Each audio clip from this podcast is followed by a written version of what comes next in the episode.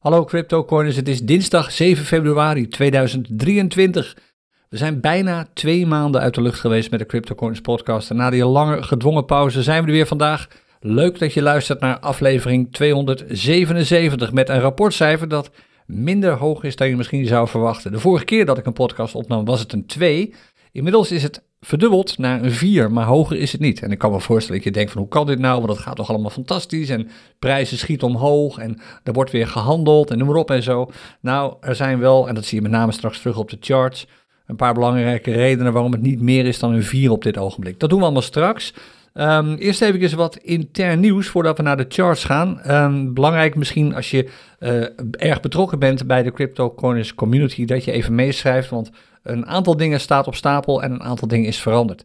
Daar gaan we. Allereerst 11 en 12 maart, het CryptoCoiners Power Weekend. Ik vertel je niks nieuws waarschijnlijk als je bij het CryptoCoiners Café langskomt of bij het clubhuis of als je Kevans Trading Dagboek leest en volgt, dan wist je het waarschijnlijk al. Op 11 en 12 maart komen we bij elkaar in Utrecht bij een groot event, het CryptoCoiners Power Weekend.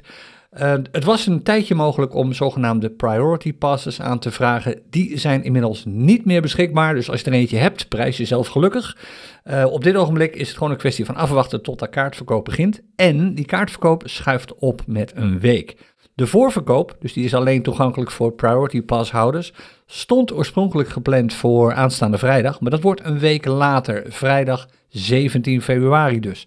En de gewone verkoop, als er dan nog toegangskaarten zijn, dat is niet zeker, want ik kan me voorstellen dat ze bij de voorverkoop misschien al alles uitverkopen. Maar als er nog kaarten beschikbaar zijn, die komen uh, in de verkoop op vrijdag 24 februari. En als je meer wilt weten in de aanloop naar die verkoop toe, houd dan die pagina in de gaten www.cryptocorners.nl slash Powerweek. Maar samenvattend, vrijdag 17 februari begint de voorverkoop voor Priority Pass houders. En vrijdag 24 februari begint de gewone kaartverkoop. Als er nog kaarten zijn voor het Power Weekend. En dat wordt dus gehouden op 11 en 12 maart in Utrecht. Dan morgenavond, 8 februari, weer een CryptoCoiners café. Uh, sommige mensen zeiden van, is er geen café meer? Het antwoord is ja hoor, je vindt ze gewoon uh, terug via www.cryptocoiners.nl slash café. Ook de opnames van eerdere bijeenkomsten. We zijn volgens mij op 11 januari alweer begonnen, dus we zijn weer bijna een maand bezig. We hebben de nieuwjaarsborrel gedaan met een aantal voorspellingen, net als elk jaar tijdens de nieuwjaarsborrel. En we hebben alweer een paar keer live gehandeld met de vernieuwde CryptoCoins daytrading strategie. Dus misschien als je er niet bij was, wil je nog wat oude bijeenkomsten terugkijken. Maar zoals gezegd, morgenavond om half acht, woensdag 8 februari, zijn we er weer. Gaan we deuren weer open van het altijd druk bezochte, supergezellige en hopelijk ook leerzame CryptoCoiners Café. Dan wat vervelender nieuws. Donderdagavond is normaal gesproken het CryptoCoiners Clubhuis open met Kevan. Maar helaas, Kevan moet vanwege privéredenen een week lang verstek laten gaan. Dus die was er gisteravond niet bij de terugkomstsessie van volgens mij de Trending Market Clinic. Die schuift dus ook op. En hij is er dus ook donderdagavond niet bij het CryptoCoiners Clubhuis. Dus ook dat komt één keer te vervallen. Dat betekent ook dat, en ik zei het al, flink wat mee te schrijven als je actief lid bent van de CryptoCoiners community. Dat betekent ook dat de EMA die stond gepland, de Ask Me Anything voor aanstaande donderdag, opschuift. Die schuift ook een week door naar donderdag 16 februari. Dus aanstaande donderdag geen clubhuis, geen EMA, dat wordt allemaal een week later. Dan aanstaande zaterdag, maar dat wist je waarschijnlijk al als je hebt meegedaan aan de eerste sessie, doen we de tweede sessie van de populaire live clinic technische analyse. Dan gaan we eens even kijken wat er is uitgekomen van de voorspelling over dat Golden Cross tussen 6 en 8 februari. Spoiler alert, dat gaan we zo meteen ook al even doen. En we gaan praten over allerlei andere dingen, zoals Elliott Waves, noem allemaal op. Dat wordt weer super spannend en leuk. Aanstaande zaterdag dus om half elf. Daar kun je voor de zekerheid niet meer voor inschrijven. Dan, daar kun je nog wel voor inschrijven, op zaterdag 25 februari de vernieuwde versie van de Zeker Traden met Bitcoin Clinic. Daar zijn nog plaatsen voor beschikbaar. De link staat bij de show notes en zie je ook in beeld nu bij de CryptoCoins podcast op YouTube, als je deze eh, uitzending volgt op YouTube. Nou, een hoop nieuws. Ik hoop dat je het allemaal hebt kunnen meeschrijven. Er gebeurt genoeg. Sommige dingen stellen we even met een week uit, maar er staat ook nog meer dan genoeg op de planning. Dan even de reden dat er geen CryptoCoins podcast was de afgelopen anderhalf, twee maanden. Er gingen wat geruchten de ronde, allemaal absoluut niet waar. Heel simpel verhaal. We hebben kerst gevierd met een groot gezelschap dit jaar. En tijdens dat uh, vieren werd ik verkouden. En hoe? Ik kreeg een behoorlijke verkoudheid, liep ik op. Ik bleef maar hoesten, enzovoort, enzovoort. En het was gewoon niet slim en zinvol om iets te gaan opnemen. Sterker nog, als je de afgelopen paar keren bij het CryptoCoins Café bent geweest, heb je gehoord dat ik tussen de hoestbuien door af en toe aan het traden was. En het was gewoon niet slim om in die tussentijd ook nog podcast te doen. Dus dat heb ik even laten lopen. Inmiddels gaan we het alweer een stuk beter. Vandaar dat we nu weer gewoon de CryptoCoins podcast aan doen zijn. In principe twee keer per week, elke dinsdag en donderdag, totdat de markten echt significant veranderen. Want Nogmaals, dat doen ze op dit ogenblik niet echt. Daar komen we eigenlijk nu al aan toe als we de charts er even gaan bijpakken. En dat doen we op YouTube, zoals je weet, uh, ook gewoon in beeld. Dus als je nu meekijkt naar de CryptoCoins podcast, zie je nu de Bitcoin versus de dollar chart. En omdat het technisch gezien begin van de maand is, dit is de eerste podcast sinds deze maand is uh, begonnen, uh, pakken we ook even de maandchart erbij. En wat die maandchart betreft, daar is eigenlijk helemaal niet zoveel veranderd. Die chart was bearish, die chart is nog steeds bearish. En om te bepalen of een chart bullish of bearish is, misschien ben je hier voor de eerste keer bij bij de podcast, kijken we met name naar de pieken en de dalen op een chart. En dat wordt in het Engels een piek en een trough genoemd. Een piek is een piek en een trough is een dal. En die pieken, dat zijn eigenlijk gewoon de plekken waar de prijs in een bepaalde periode, bijvoorbeeld een maand, niet hoger is gekomen. En een dal is het, is het punt waar de prijs niet onder is gekomen in een bepaalde periode. Nou, de laatste echte piek die we hebben gezien, die echt opviel, dat was natuurlijk de piek van de maand november 2021. Toen hebben we een bedrag bereikt van maar liefst 69.000 dollar. Dat was de all-time high. Daar ga ik zo meteen nog even wat over vertellen. Maar als we wat recenter kijken, hebben we net wat uh, piekjes en dolletjes achter de rug. In augustus 2022 zagen we de laatste piek. Dat is een piek van uh, eh, 25.212 dollar. Daar zijn we sindsdien niet meer boven geweest. Het is alweer zo lang geleden dat de prijs boven de 25.000 dollar was. En het laatste dal, dat hebben we eigenlijk al min of meer zien aankomen bij de laatste podcast die, ik opnam in uh, december. Toen zei ik namelijk, nou, als de prijs deze maand niet onder de 15.479 komt, hebben we een nieuw dal te pakken. En dat hebben we dus ook inderdaad te pakken, want dat 15.479 moment, daar zijn we niet meer onder geweest. De maand daarna was het laagste punt 16.000, iets daarover zelfs. Kortom, een nieuw dal. We gaan nu op weg naar een nieuwe piek. En de vorige piek, dat was de piek uit augustus vorig jaar, 25.212. En als je echt voor de eerste keer luistert en je afvraagt, nou, so what? Wat maakt er dan eigenlijk uit, die pieken en dalen? Er is een hele eenvoudige en tegelijkertijd verbluffend goed werkende theorie als het gaat om de richting waarin de prijs zich beweegt. Als de pieken steeds hoger worden en de dalen ook, zitten we in een opwaartse beweging en is de kans op prijsstijgingen groter dan op prijsdalingen. En andersom ook. Maar je wilt wel een hogere piek en een hoger dal zien. Op dit ogenblik zitten we in een dalende beweging, in een dalende trend op deze maandchart. En hoe langer zo'n chart duurt, een maandchart, daar duurt elke candlestick duurt een maand, des te significanter die chart is. Dus de pieken en dalen op deze chart betekenen gewoon meer dan de pieken en dalen op bijvoorbeeld een urenchart of op een dagchart. Nou, de pieken en dalen op deze chart, die worden steeds lager. En dat betekent dat we te maken hebben met een neerwaartse trend, een zogenaamde downtrend, een bearish trend. En dat betekent dat we willen zien dat de pieken juist weer hoger worden en de dalen ook. Nou, dat moet eigenlijk allebei gebeuren. We hebben nu een lage piek en een lage dal. We zijn nu, omdat we een dal hebben opgeschreven in november, op weg naar een nieuwe piek. Die wil je hoger hebben dan de laatste piek die we hebben gezien in augustus. Die was 25.212. Dus eigenlijk zit ik gewoon te wachten op het moment dat de prijs nog een keer door die 25.212 heen schiet. Maar, en in het café hebben we hier ook al een paar keer over gepraat, houd er goed rekening mee dat die 25.000 zone een belangrijke, een pittige zone is. Dat heb je teruggezien in juli, uh, in augustus hebben we dat al gezien. Daar zitten veel verkopers te wachten om, zoals het zo mooi heet, hun winst te nemen. Dus of de prijs zomaar door die 25.000 heen schiet, is nog maar de vraag. Sterker nog, er is nog zo'n zone, dat is de 23.000. Ook daar hebben we het over gehad. Sterker nog, in de podcast zelfs, de laatste podcast van vorig jaar, ook al gezegd, die 23.000, dat is gewoon een zwaar weerstandsgebied. De prijs breekt daar echt niet zomaar doorheen. Nou, op de maandchart zie je dat niet echt heel duidelijk. Zometeen op de week- en de dagchart wel. Maar je ziet ook nu, het is nu uh, dinsdag 7 februari, het is net 11 uur geweest, s ochtends. We zitten weer onder die 23.000 dollar. Het is 22.981 nu op dit ogenblik. Het is gewoon lastig om structureel door die 23.000 heen te breken. En ook, zul je straks zien, om door die 25.000 heen te breken. Maar als dat eenmaal gebeurt, Dan hebben we een hogere piek te pakken. En dan is het wachten op een hoger dal. Want je weet dat na elke piek komt altijd weer een dal. Na elke structurele stijging komt er een structurele daling. En je wilt dus niet alleen een hogere piek hebben, maar ook een hoger dal. En dan kunnen we zeggen, de maandchart van Bitcoin is nu bullish. En de laatste keer dat hij echt overtuigend bullish was, dan moeten we terug naar bijna 2,5 jaar geleden. Uh, september 2000, nee, ruim, ja, precies 2,5 jaar geleden. Uh, augustus, september 2020. Toen kregen we voor het laatst echt een bullish signaal. Hogere piek, hoger dal. Daarna weer een hogere piek en toen weer een hoger dal. Toen een lagere piek in april 2022. Een lager dal in juni 2022. Dus eigenlijk zou je kunnen zeggen, vanaf zo mei, juni 2022 is de trend op die maandchart bearish. En dat is hij dus nu nog steeds. Je wilt absoluut een omkeer zien op die maandchart. Er zijn een paar leuke dingen om wel in de gaten te houden. Dat is die MA50-lijn die hier loopt. Als die, dat is het voortschrijdende gemiddelde van de laatste 50 sluitprijzen van de laatste 50 maanden. En als de prijs daaronder hangt, wat hij eigenlijk op dit ogenblik nog steeds doet, is dit een plafond, is dit een zogenaamde weerstandslijn. Nou, als de prijs erboven sluit, dus we hebben nog wel even nodig, dat duurt sowieso nog tot het eind van deze maand, voordat die candle compleet is, en we dus echt een sluitprijs hebben. Als die daarboven sluit, is dat een zogenaamd bullish signaal.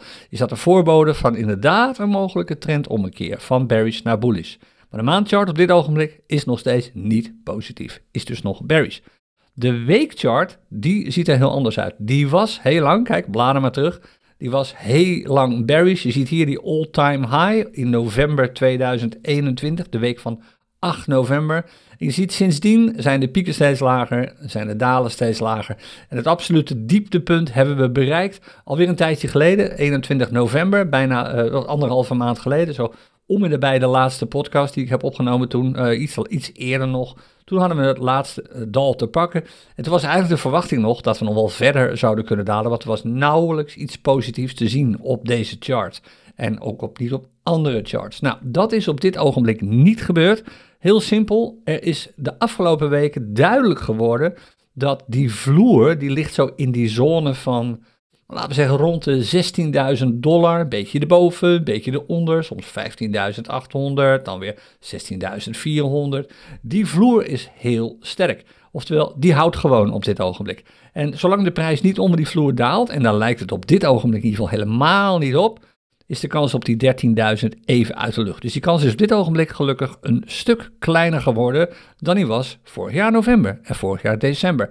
Die supportzone, zoals het heet, die vloer, heeft gewoon stand gehouden. En niet alleen dat, ook als je naar die Keltner channels kijkt, die blauwe lijnen bij mij op de chart, bij jou kunnen ze een andere kleur hebben, dan zie je dat de prijs daar nu al een aantal weken lang boven is gesloten. Dat begon in de week van 16 januari, toen de week daarna en de week daarna. En deze week is natuurlijk nog niet klaar, maar zelfs vorige week, toen we toch weer een daling hebben gezien, de eerste in een aantal weken tijd, waarbij de prijs echt lager sloot dan de week ervoor, blijft de prijs nog steeds boven die Keltner Channels. Die Keltner Channels lopen ook omhoog. Dat geeft aan dat we te maken hebben met een zogenaamd stijgend bullish momentum op de weekchart. Oftewel, er wordt op het gaspedaal gedrukt en hoewel die maandchart meer te zeggen heeft, significanter is zoals het heet, dan de weekchart, en hoewel die maandchart bearish is, dus meer neerwaarts, en die weekchart bullish is, is die weekchart vaak een voorbode van wat er op die maandchart gaat gebeuren. Want als die weekchart nog een tijdje lang bullish blijft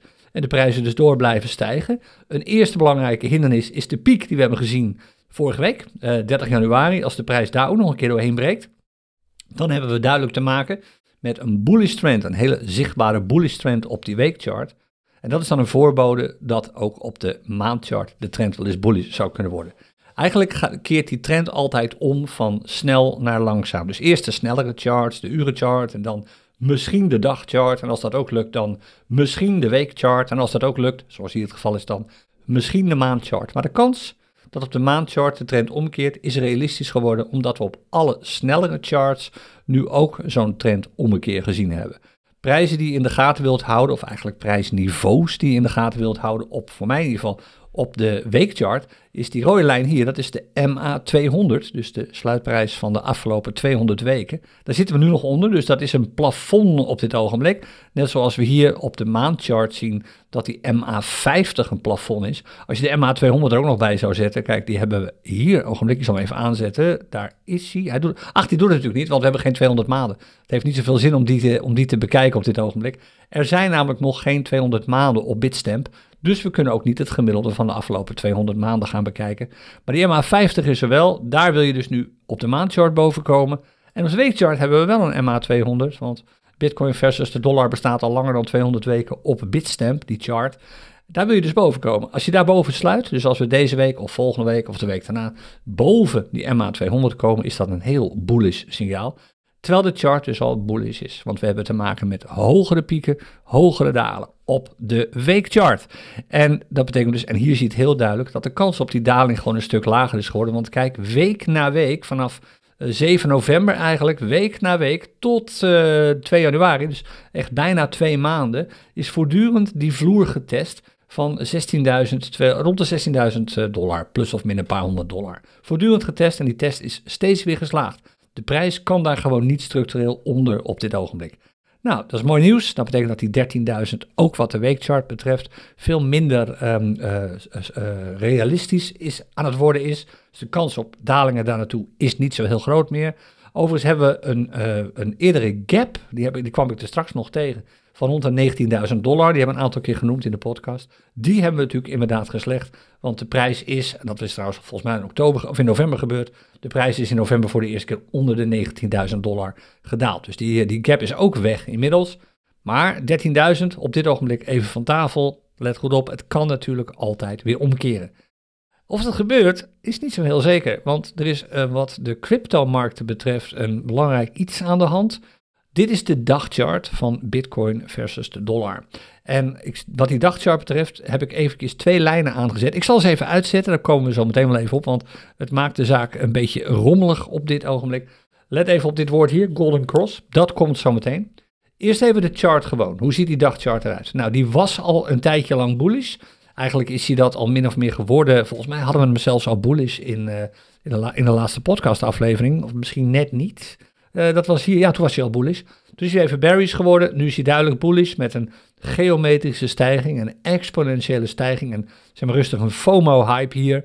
Uh, in de periode vanaf uh, half januari tot, of eigenlijk de periode van half januari, van 10 tot 15. Kijk, als een parabool schiet die prijs opeens omhoog. Dit was een flinke prijsstijging, misschien weet je het nog, van maar liefst 25 à 30 procent. En daarna kwam er nog eentje achteraan. Nu hebben we weer te maken met een supportzone zo rond de 22.500, 23.000, waar de prijs maar niet onder lijkt, of niet boven lijkt te komen. Zei supportzone. De support zit aan de onderkant op die dagchart 22, maar de weerstand zit aan de bovenkant zo rond de 23.000, alweer een aantal dagen op rij. Dat was half januari zo, toen werd het een paar dagen leuker, maar nu alweer een aantal dagen sinds begin deze maand eigenlijk, zit de prijs onder die 23.000 en het is gewoon lastig om daar boven te komen. Dus dat is de eerste zone, de eerste weerstandszone waar je doorheen wilt. En daarna komt die 25.000, die, die zone van 25.000 plus of min nog wat. En daar is de prijs dus echt al lang niet meer boven geweest. De laatste keer was hier in augustus 2022, zoals we net al even noemden. Nou, die dagchart is bullish. Nou, je weet het, een bullish dagchart, als die maar lang genoeg bullish blijft, dan druppelt dat door naar de weekchart. Die is ook al bullish. Als die maar lang genoeg bullish blijft, druppelt dat door naar de maandchart. Maar blijft die dagchart bullish? Nou, er zijn een paar manieren om hier naar te kijken. Allereerst, dit is overtuigend bullish. We hebben te maken met hogere highs, hogere lows, oftewel hogere pieken, hogere dalen. Een duidelijk signaal dat de trend op deze chart bullish is. Er zijn ook een paar signalen die er minder leuk uitzien. Allereerst deze, de Unbalanced Volume Indicator onderin op de chart hier. Die laat zien of er veel volume bij komt bij stijgende of bij dalende prijs. En die, als die onbalanced volume indicator daalt, dat betekent dat er veel volume is verhandeld bij een dalende prijs. En dat is nooit een goed teken, dat is een bearish signaal. We kijken voornamelijk naar de pieken en de dalen, maar dat soort dingen wil je ook meenemen. Vooral omdat die OBV-indicator, die Unbalanced Volume Indicator, een, ja, ik wil niet zeggen een voorspellende werking heeft, maar het is een, zoals het ook wordt genoemd, een leading indicator. Hij, hij loopt vaak wat vooruit op de feiten. De meeste indicators die je hebt zijn lagging indicators. Die lopen achter de feiten aan. Geen wonder, want het is niks anders dan de samenvatting van een aantal charts. Of sorry, een aantal candles. En de OBV is dat ook, maar loopt toch vaak op de feiten vooruit. Er wordt een leading indicator genoemd. En die laat dus nu zien dat we eerder op dalingen dan op stijgingen moeten rekenen wat de prijs betreft. En als de prijs te veel blijft dalen, is dat een signaal dat de trend bearish zou kunnen worden. Hij geeft dus, zoals we vaak zeggen, een bearish signaal af. Nou, de parabolic stop en reverse, dat, is, zijn die, bij mij die plusjes, die blauwe plusjes onder en boven de prijs. Die is natuurlijk een tijdje lang bullish geweest. Dat begon uh, begin van dit jaar. Dus de prijs schoot parabolisch omhoog. Dat was die FOMO-run die we hebben gezien. Dus die plusjes schoten ook mooi mee. Maar inmiddels beweegt de prijs zich, nou ik wil niet zeggen zijwaarts, maar Erg veel beweging zit er niet meer in. Kijk, op 21 januari hadden we die uh, 23.000 zone. Daar zitten we nu weer. Kleine, klein piekje erboven geweest, maar heel spannend is het allemaal niet. En dat betekent dat de, de zeggenkracht, zeggingskracht, de betekenis van die parabolic stop and reverse niet zo hoog is. In de naam van die indicator zit al het woord parabolisch. Parabolic stop and reverse. Nou, op dit ogenblik, hier was de prijs parabolisch, de prijsontwikkeling vanaf begin januari. Nu is dat niet zo. En dat betekent dat die parabolic stop reverse dus niet al te veel te zeggen heeft. Het geeft geen signaal af. Want hij wisselt ook steeds. Kijk, hij wisselt. Uh, hier was hij op 26 eh, januari bullish. Op 27 januari, verjaardag van mijn zoon, werd hij bearish. Op 29 januari was hij alweer bullish. Op 30 januari was hij alweer bearish. Dat is natuurlijk niet zo. Een trend keert niet in één dag om van bullish naar bearish. Maar dat komt omdat in dit hele gebied wat je hier ziet, het gebied zo tussen, wat is het, uh, 27 januari en nu de prijs nauwelijks echt heeft bewogen. Dus het signaal kun je negeren, waar je nog wel op kunt letten wat die PSR betreft, is staan die plusjes onder of boven de prijs. Op dit ogenblik bij de, de uh, dagchart van Bitcoin staan ze eigenlijk structureel onder de prijs. Ze zijn er even boven geweest, ik zei het net al, maar dit zijn schijnsignalen. Dus dit is nu een supportlijn, een extra supportzone die opnieuw weer in de buurt zit van de trough, 22.500. Alles wijst erop dat Bitcoin het lastig heeft om door die 23.000 heen te breken. Daarna krijgen we dus nog eh, die 25.000 grens. Is er dan eigenlijk niets echt leuks te zien? Het antwoord is jawel, gelukkig wel. Want we hebben gisteren iets bereikt. We hadden het er vorige week al over, nee, inmiddels al anderhalve week geleden, uh, in de technische analyse clinic. Toen hebben we een andere chart erbij gepakt. En hebben we dat Golden Cross al getekend, want daar gaat het om. Er is een Golden Cross, heeft daar plaatsgevonden. Nou, ik ga om even te laten zien wat dat precies is, even wat dingen uitzetten. Want die chart staat inmiddels vol met allerlei uh, indicators, die maken het alleen maar lastig. Ik zal zelfs even, nou die, ja, ik zal zelfs die lijnen even weghalen. Die daar zo staan, dat zit hier aan de zijkant. Uh, ze hebben dat trouwens weer veranderd, zie ik. Dat is de verkeerde, hier zit het, daar staan ze nu. even de trough en de pieklijn weghalen, die hebben we even niet meer nodig. Dat maakt de chart nog wat leesbaarder. Zo, dat kan weer dicht. En kijk, ik zet nu twee indicators aan, twee MA-indicators, twee voortschrijdende gemiddelde indicators, namelijk de MA50, dat is deze, die is geel, en de MA200. Dus de MA50 laat het gemiddelde van de afgelopen 50 dagen zien en dan voortschrijdend van dag tot dag. En de MA200 doet hetzelfde met de afgelopen 200 dagen. En kijk wat hier is gebeurd. Dit vond gisteren plaats, dus maandag de 6e. Volgens mij hadden we tijdens de technische analyse clinic gezegd, tussen de 6e en 8e februari. Nou, het is precies de 6e geworden. Op deze dag, gisteren, heeft er een zogenaamd Golden Cross plaatsgevonden. En de Golden Cross is dus het doorkruisen naar boven toe van de MA50 door de MA200. Om aan te geven hoe significant het is, en dan kun je afvragen hoe kan dit? Nou ja, je zou kunnen zeggen, traders handelen hiernaar, dus die creëren als het ware hun eigen uh, waarheid, hè, een self-fulfilling prophecy. De laatste keer, en we gaan zo eens even terugkijken naar die Golden Cross. De laatste keer dat, dat deze Golden Cross heeft plaatsgevonden, dus deze doorkruising van de MA50 of de MA200 door de MA50 naar boven toe, was in november 2000, nee sorry, in augustus, september of augustus 2021, kortom lang geleden. Kijk, je kunt de lijnen meevolgen als je meekijkt op YouTube. We gaan naar beneden, hier is, of we gaan terug in de tijd. Hier is de Golden Cross. We gaan van nu, we gaan terug in de tijd, verder terug. Je ziet nergens meer een Golden Cross. Sterker nog, eigenlijk staat hier de gele lijn onder de rode. En dan moet dus een andere doorkruising zijn geweest naar beneden toe. Klopt, die was hier op uh, eh, 14 januari vorig jaar, dus tegen 2022, hebben we een bearish cross gezien en dit wordt ook wel een death cross genoemd.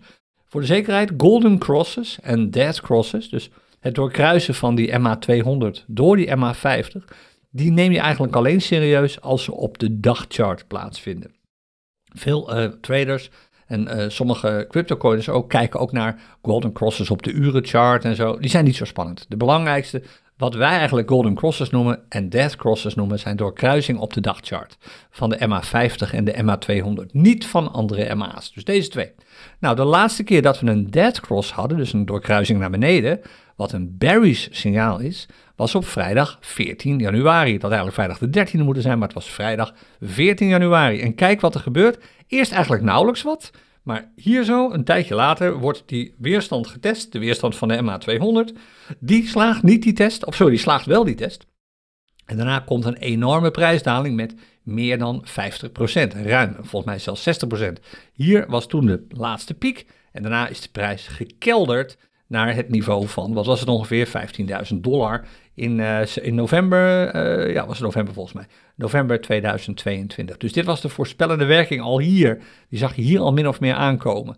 Niet zo ver daarvoor, in september, nou wordt het interessant, september 2021 hebben we een golden cross gezien. En dit was het laatste golden cross dat we hebben meegemaakt. En dit bewuste golden cross was de voorbode van de all-time high van Bitcoin die we twee maanden later hebben gezien. Dus je zou jezelf nu legitiem de vraag kunnen stellen, en ik ga je zo meteen vertellen waarom, dat we, de vraag zouden zijn, zijn we op weg naar een nieuwe all-time high? Kijk, de prijs ging hier doorheen, niks leek er eigenlijk nog echt op, want er kwam zelfs een daling, maar hop, daar ging de prijs. En hier in november, nog geen twee maanden later, all-time high.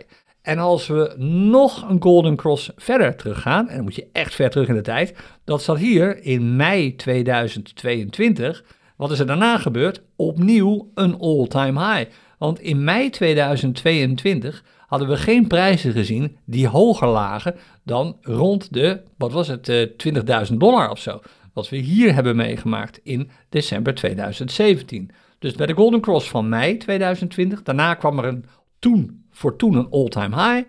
Toen weer een dead cross, toen weer een golden cross. En toen een all-time high. Nu hebben we een dead cross gezien, nu weer een golden cross.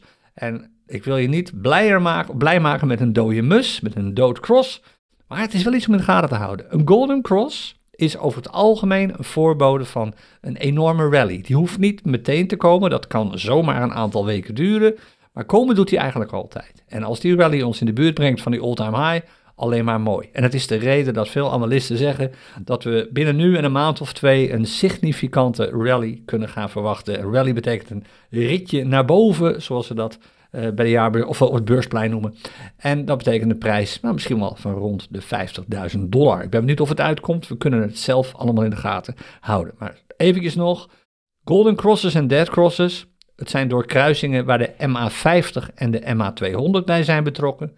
En ze zijn alleen maar echt geldig op de dagchart, niet op andere intervallen. Dat even wat de Golden Cross betreft, dus leuk om dit te zien. Um, we gaan even naar de urenchart van Bitcoin versus de dollar. Laten we ook mee even bijpakken. Ik heb hem niet eens voorbereid uh, voor deze podcast, zie ik. Ik even al die meldingen weghalen, daar heb ik een beetje ibel van. Die de laatste tijd komen, de laatste nieuws en zo, dat haal ik al ergens anders vandaan. Dat hoef ik niet op TradingView te zien. Zo. Als we hier naar deze chart kijken, dan zien we eigenlijk uh, sinds uh, eh, 2 februari, sinds begin, eigenlijk, begin deze maand, hebben we nog even een, een uh, behoorlijke stijging gezien. een parabooltje hier, eentje. Kijk, we gingen van 22.900 naar zelfs even 24.2. Hier riepen mensen al dat we bijna door de 25 heen waren gebroken. Niet helemaal uitgekomen zoals je ziet.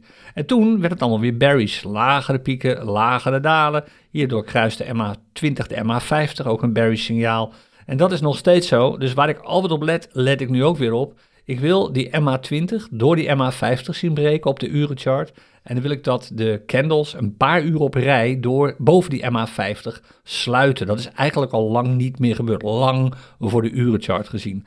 Dan is een eerste teken dat deze urenchart weer echt bullish aan het worden is. Hij is trouwens nu technisch gezien, als je kijkt naar de dalen en de pieken, de troughs en de peaks, is hij alweer bullish. Want het laatste dal dat we gezien hebben, dat zit hier op uh, 10, 9 uur vanochtend, is hoger dan het vorige dal dat we vannacht zagen. En de piek die we nu zien is uh, hoger dan de vorige piek die we vanochtend om 7 uur zagen. Dus technisch gezien is deze chart alweer bullish, maar heel veel heeft het nog niet om het lijf. Je wil eigenlijk een paar uur lang boven die MA20 en die MA50 sluiten. En eigenlijk wil je ook dat die MA20 door de MA50 heen kruist op weg naar boven. En hoe hoger de prijs dan daarboven staat, des te groter de kans dat er weer een significante prijsstijging komt. Het wordt ook wel een beetje aangegeven op dit ogenblik dat dit zou kunnen gaan gebeuren door de enorme euforie op Wall Street. Die pakken we er zo wel even bij. Eerst even de goudprijs nog. Dus uh, samenvattend, de urenchart is nu, ja, hij is, uh, kijk, dus we hebben nu een kleine bullish prijsbeweging. Maar als je gewoon uitzoomt op deze chart, en als je zelfs die uh, MA20 en die MA50 even zou weghalen, zie je gewoon dat de zaak naar beneden gaat. Dus je wilt echt wel iets significants zien. Eigenlijk wil je gewoon prijzen zien die weer dik boven de 23.000 sluiten. En dat hebben we nu eigenlijk al een, een, aantal dagen op rij niet meer gehad. Sinds zondag al niet meer. Dus dat wil je nu gewoon weer zien gebeuren op die urenchart. Anders gaat het uiteindelijk met die dagchart ook minder florissant. Kijk, die, die min of meer zijwaartsbeweging op die dagchart die je nu ziet, is gewoon een gevolg van wat er op de urenchart gebeurt. Er gebeurt niet zo heel veel nu. Dus alsjeblieft, significante prijsstijgingen door de 23 en niet een klein beetje, maar echt er doorheen. Die zijn een voorbode van positieve ontwikkeling op de dagchart, waardoor de weekchart zal blijven wat die is, bullish, en de maandchart op termijn misschien ook wat bullish wordt. Op dit ogenblik wijst alles als je naar de charts kijkt eerder op positievere prijzen dan op negatievere prijzen. Goud betreft, uh, goud was bullish al heel lang en wat goud betreft, even scrollend, we hebben die all-time high hier te pakken natuurlijk. In maart vorig jaar, nu inmiddels bijna een jaar geleden, toen zaten we boven de 2000 dollar voor een troy ounce goud. En een troy ounce goud, dat is uh, uit mijn hoofd 31, nog wat gram, 31,2 geloof ik. Dus de belangrijkste graadmeter uh, wat goudprijs betreft, de troy ounce prijs, is boven de 2000 geweest, maar nu nog niet. We zijn er wel op weg naartoe. De goudprijs is al sinds vorig jaar november uh, bullish geworden. Kijk, dan gaan we hogere pieken, hogere dalen. En zelfs wat je nu ziet, opeens een enorme daling van goud. Voor veel, uh, niet zozeer analisten, maar veel mensen die die goudprijs in de gaten houden, alweer een teken dat het allemaal gebeurd is. Dit is alleen maar een pullback. Meer is het niet. Je zou het ook een retracement kunnen noemen. En een retracement is eigenlijk niks anders dan een pas op de plaats bij een bepaalde prijsontwikkeling. Kijk, de prijsontwikkeling hier is opwaarts. Je kunt hier weinig neerwaartse prijsontwikkelingen in zien. Dit gaat omhoog. En dan zien we nu opeens sinds afgelopen donderdag, vorige week donderdag eigenlijk, vrijdag en zaterdag, of zaterdag en zondag was er geen beurs, vanuit je die candles natuurlijk niet ziet. Maar sinds afgelopen donderdag zie je opeens wat dalingen komen. Is dit nou iets om je zorgen over te maken? Nou, om te beginnen, dit is een nieuw dal dat lager is dan het vorige. Maar het is alleen maar een dal. De pieken, je wilt een lager dal en een lagere piek zien. En die zien we op dit ogenblik nog niet. We hebben alleen maar een lager dal gezien, maar de vorige piek was nog steeds hoger dan de piek daarvoor. Kortom, daar is al niks aan de hand. En iets waar je ook naar zou kunnen kijken, en ik hoop niet dat dit te technisch wordt, is de Fibonacci Retracement Tool. En om te kijken of dit daadwerkelijk alleen maar een pas op de plaats is. En er zijn allerlei manieren om er naar te kijken. Ik geef je een voorbeeld van hoe ik dat in dit geval doe. Ik verbind de laatste, wat je ook wel extreme low zou kunnen noemen, dat is deze, het laagste echt extreme dieptepunt, met het laatste extreme hoogtepunt. En dat zat een paar dagen geleden, vlak voor het weekend, ongeveer hier zo. Dus ik heb het magneetje uitstaan, dus ze lopen niet helemaal precies. Maar dan hou ik vervolgens in de gaten wat die prijsontwikkeling is. En zolang de prijs, naar mijn mening, wordt ondersteund door de 61,8% retracement, het, het 61,8% retracement niveau, zolang de prijs daar dus niet onderduikt, is dit niks anders dan een retracement. Oftewel even een pullback, even een pas op de plaats. En je ziet nu al dat het erop lijkt dat de prijs eigenlijk niet eens structureel door het eerste retracement niveau heen bereikt. Hij breekt niet eens door die 23,6 lijn heen. Kortom, dit gaat eigenlijk nog steeds helemaal nergens over. Het ziet allemaal gezond uit. En ik zeg erbij, die retracements die kunnen heftig zijn. Je hebt echt dat niveau nodig, wat mij betreft, wat die goudprijs betreft, los van de pieken en dalen dat de prijs onder die 61,80, uh, eh, onder dat 61,80 level komt om te zeggen, oké, nu is de trend echt structureel omgekeerd. Dat was trouwens aan de andere kant op net zo. Hè. Kijk, als je kijkt naar de vorige echte daling, dan heb je hier een extreme high, je hebt er daar ook nog eentje, maar hier heb je echt een extreme high en hier heb je dan die extreme low. Daar kun je ook een VIP retracement op tekenen. Dus vanaf deze high daar zit hij ongeveer naar deze extreme low, daar gaat hij zo. En die high, die, of die, uh, die VIP retracement, kon je dus ongeveer hier al tekenen op dit punt. En dan zou je dus kunnen zeggen, zolang de prijs niet boven, de 61, dat boven dat 61,8 level komt, blijft de trend eigenlijk toch min of meer bearish. Wat die pieken of dalen ook zeggen. En als je dan kijkt hier, dan zie je dat dat inderdaad nog heel, heel lang zo was. Je ziet maar vervolgens hoe snel, dit, dit wordt één keer getest, dit niveau van 38,2. Daarna al vrij snel breekt de prijs er doorheen. De 50%-lijn wordt één of twee keer getest. Heel spannend is het allemaal niet. De 61,8-lijn wordt nauwelijks getest, een beetje misschien. Maar de prijs brak er alweer doorheen, zoals je hier ziet. En als de prijs eenmaal door die 61,8 is heen gebroken, dat is een paar candles op rij, dan is de retracement geen retracement. Dan is het gewoon eigenlijk de een trend reversal volgens VIP retracement. Dus we hebben nu echt wat de goudprijs betreft duidelijk te maken met een trendommekeer vanaf dit punt al ongeveer. Die dus al aangegeven was door die pieken en troughs, uh, peaks en troughs, die pieken en dalen. Oftewel, we zijn nog steeds op weg naar boven wat goud betreft. Zie dit als een pas op de plaats. Ik doe dat op dit ogenblik in ieder geval nog wel. Niet meer dan dat. De reden voor deze dalende goudprijs is overigens het enthousiasme van beleggers om weer in aandelen te stappen. En dat heeft natuurlijk alles te maken met de best wel meevallende aankondiging van meneer Powell van de Amerikaanse Fed, de centrale bank, dat de renteverhoging er kwam, maar niet zo hoog was. Deze keer was het een veel lager percentage of procentpunt verhaal dan de keren daarvoor. En daar werden beleggers blij van, want die zeiden, oh, geld wordt weer duurder, geld wordt weer schaarser, maar het wordt niet zo duurder, niet zoveel duurder, niet zo schaarser als vroeger. Kortom, het gaat de goede kant op. Nou, dat vind ik een behoorlijk uh, een scherpe conclusie, conclusie. Het gaat dramatisch, naar mijn mening nog steeds. En ik denk, ik ben echt van overtuigd dat alle euforie die je op dit ogenblik op Wall Street ziet, volledig misplaatst is. Nog steeds. Maar goed, laat ze daar maar lekker hun ding doen. Houd er rekening mee, dat is in ieder geval wat ik doe, dat dit zo weer kan omkeren. En dat is dus ook datgene wat een beetje in de weg zit van dit soort zaken. Die uh, stijgende prijzen en die 325.000 er doorheen breken, misschien wel een all-time high, bla bla bla. Namelijk, alles lijkt min of meer gekoppeld op dit ogenblik aan de belangstelling voor tech-aandelen op Wall Street. En die is op dit ogenblik gigantisch. Het lijkt wel of je als aandelenbedrijf niks meer fout kan doen. Je interesseert gewoon een, een, nieuwe bedrijf. Of je, je geeft als bestaand bedrijf aan dat je heel erg fanatiek aan de slag gaat met uh, kunstmatige intelligentie. Bijvoorbeeld met BART, als je Google heet. Als opvolger van, uh, of als concurrent van uh, ChatGPT. En als je dat maar luid genoeg doet, heb je grote kans dat aandeelhouders weer enthousiast worden.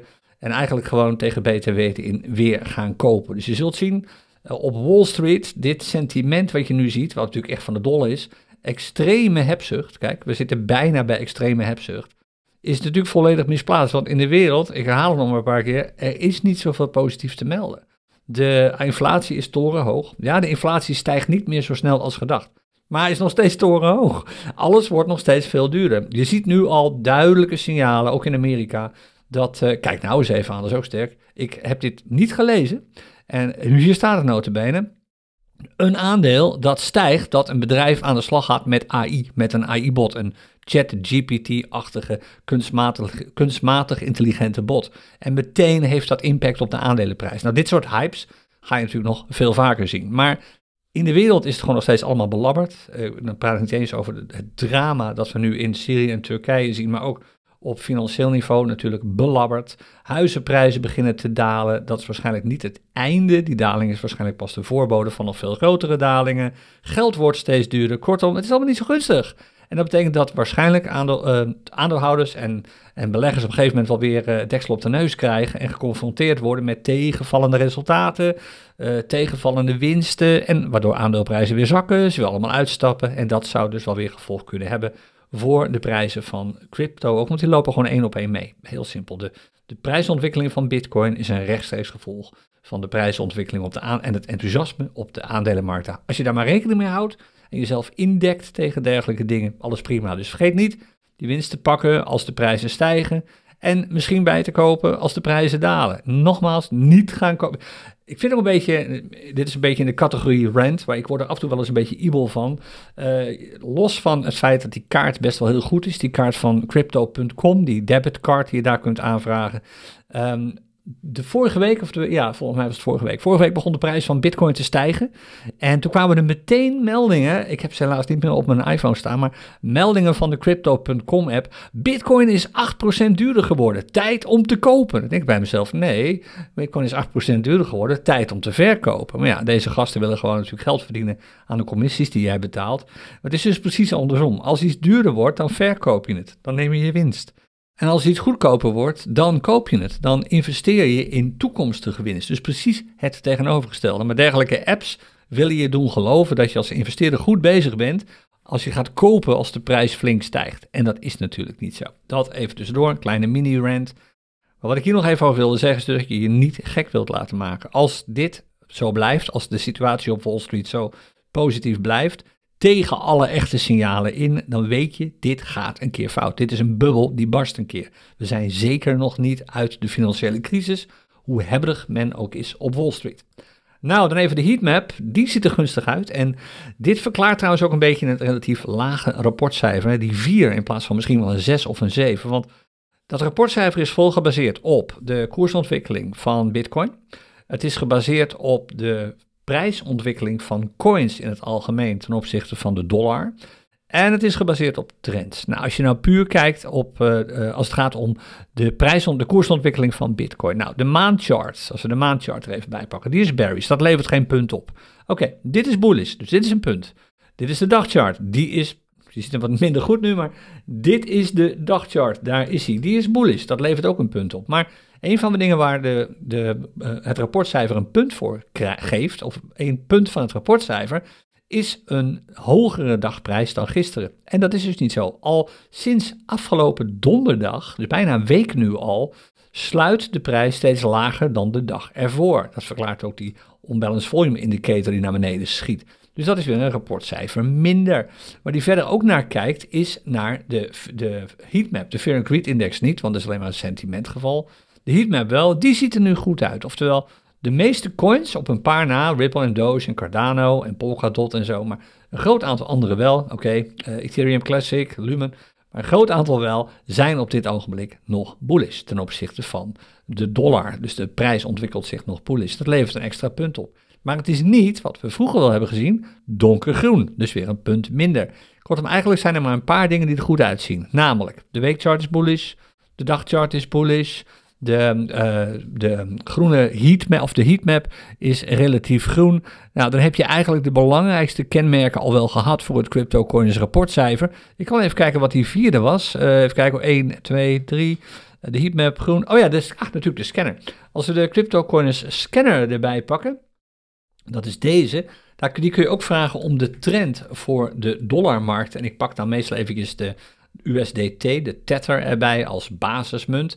En dan zullen we zien dat de trend voor de dollarmarkt, het duurt altijd even voordat, hij hem heeft uitgerekend, is positief. Die is meer bullish, daar heb je hem, is meer bullish dan bearish. Kijk, de gemiddelde trend is nu, daar staat hij, 26, ik zal even die meldingen uitzetten, zo, is meer dan 26,4% bullish. Dit is een extra puntje op het rapportcijfer, maar het is niet 40% of meer bullish, dat is nog een extra cijfer. Kortom, dit is groen, rapportcijfer, of uh, de trend voor de dollarmarkt is bullish, de dagchart is de weekchart is maar dat is alles. Meer is er op dit ogenblik eigenlijk nog niet echt te melden. Dus er mag nog wel wat gebeuren. En in de praktijk blijkt dat dit rapportcijfer, omdat het op een objectieve manier wordt samengesteld, best wel een goede voorbode is van wat er kan gaan gebeuren. En volgens het rapportcijfer is het allemaal niet zo heel enthousiast. Het zou dus evengoed nog steeds een schijnbeweging kunnen zijn. En ik weet het, misschien denk je van, ah, hij is wel heel erg pessimistisch de hele tijd.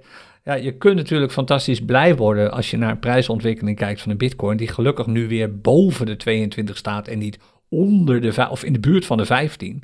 Maar echt heel spectaculair is natuurlijk allemaal niet ten opzichte van wat we allemaal al hebben gezien de afgelopen tijd. Dus, of de afgelopen jaren eigenlijk. Dus daar mag echt nog wel wat gebeuren. Dus neem dat cijfer gewoon voor wat het is. Een neutraal iets wat je gewoon vertelt um, hoe het er eigenlijk echt voor staat in cryptoland op dit ogenblik. Nou, dan nog heel eventjes wat de scanner betreft. Daar gaan we niet al te lang bij stilstaan. Even de barometer. Uh, de barometer uh, is eigenlijk de prijs, prijsverschil uitgerekend in, uh, of uitgedrukt in bitcoin van alle altcoins. Dus de gemiddelde prijs van alle altcoins in bitcoin ziet allemaal goed uit. Als je de oorspronkelijke crypto-coiners day-trading strategie gebruikt, uh, wordt ook wel 1.0 genoemd, dan gaat het best lekker op dit ogenblik, want eh, er is best wel wat volatiliteit in de markten en alles is eigenlijk duurder geworden dan een uur geleden, vier uur geleden en een dag geleden om deze tijd. De trend ziet er relatief bullish uit als je kijkt naar de dollarmarkten. Ook de trend voor de Bitcoin-markt is helemaal niet zo beroerd. Die zit uh, rond de 25 à 30 procent op het ogenblik. Dus de, de meeste charts zijn daar wel bullish. Dat maakt het ook vrij makkelijk om te traden volgens de 2.0 strategie.